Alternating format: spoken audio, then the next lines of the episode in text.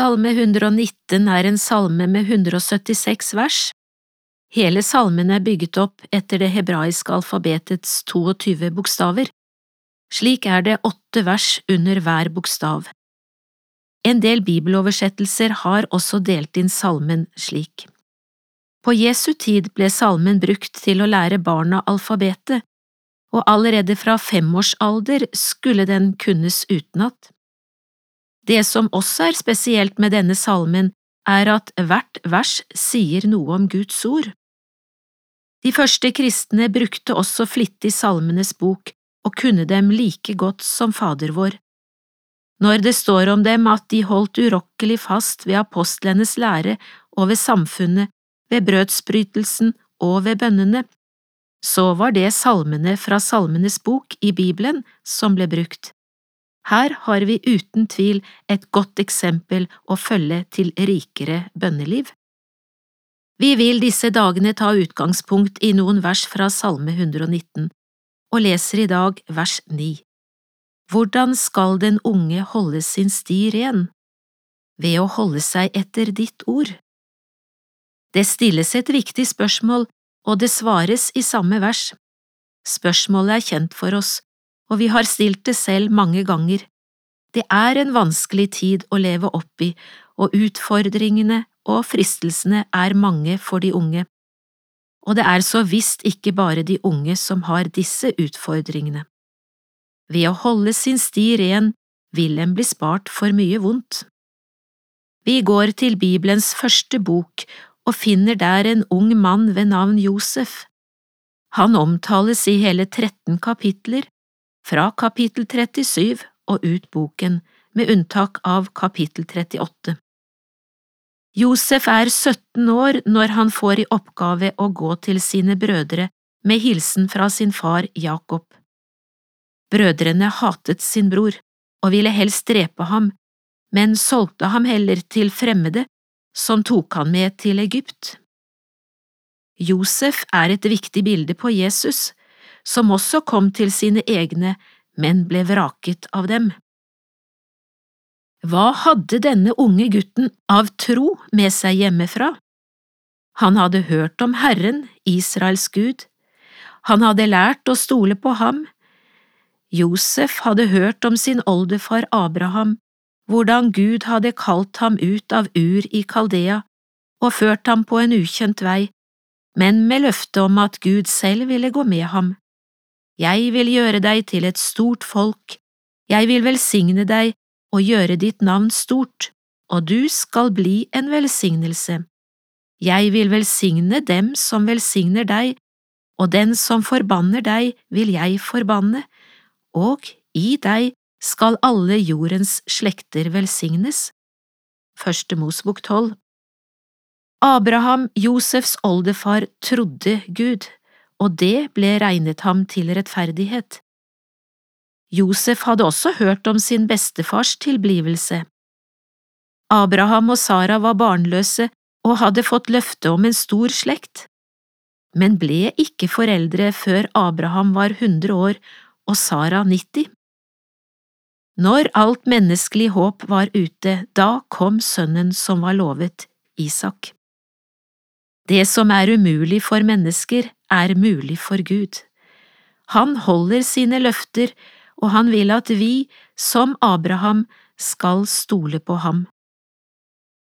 Josef hadde også hørt om Abraham som på Guds befaling gikk av sted for å ofre sin eneste sønn Isak, en prøve som Gud hadde satt Abraham på.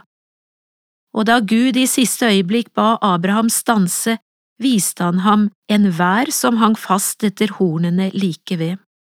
Han sa, Legg ikke hånd på gutten og gjør ham ikke noe, for nå vet jeg at du frykter Gud, siden du ikke har spart din sønn den eneste for meg. Og vi som lever i dag, vet at dette er et mektig bilde på hva Gud gjorde for verdens frelse. Han sparte ikke sin sønn Jesus, men ga ham for oss alle til frelse. Og så hadde Josef også fått erfare Guds ledelse og vei med sin far Jakob. han som etter en kamp med Gud fikk et nytt navn, Israel. Nå er Josef i et fremmed land, med fremmede guder, fremmede lærdommer og fremmed levesett. Hvor godt at han har hørt om Herren Gud, Abrahams, Isaks og sin far Jakobs Gud. Han har hørt om løftene og vet at ingen annen makter å frelse slik som denne Gud, og nå er det at Josef virkelig skal selv lære ham å kjenne i sitt liv.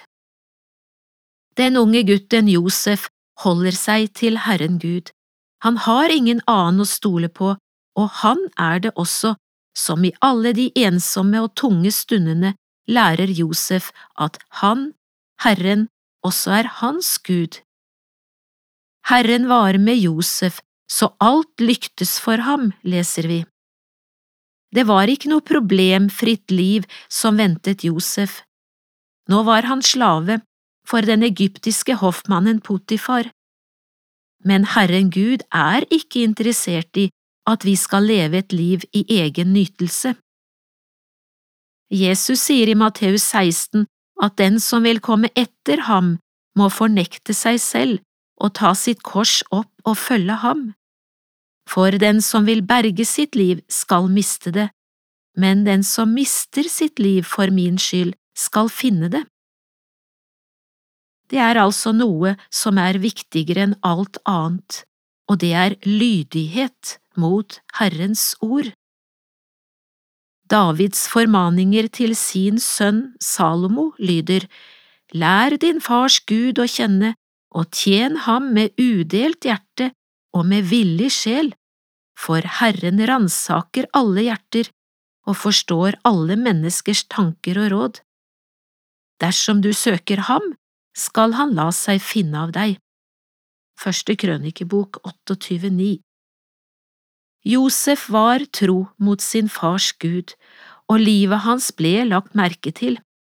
Hans Herre så at Herren var med ham, og at Herren lot alt det han gjorde, lykkes i hans hånd. Første Mosebok 39 Josef ble betrodd alt i sin Herres hus, så nær som hans kone, og akkurat fra denne personen kom fristelsen. Da hun en dag tok tak i ham for å ligge med ham, svarte han, Hvordan skulle jeg kunne gjøre denne store ondskap mot Gud? Han visste hvem som var hans virkelige herre, og hvem han skulle stå til regnskap for. I Edens hage hadde Gud sagt til Adam og Eva at de fritt kunne ete av frukten på trærne, bare ikke av frukten på treet midt i hagen. Den skulle de ikke røre og det var her synden kom inn i verden. Adam og Eva falt, de lot seg friste og var ulydige mot Guds ord.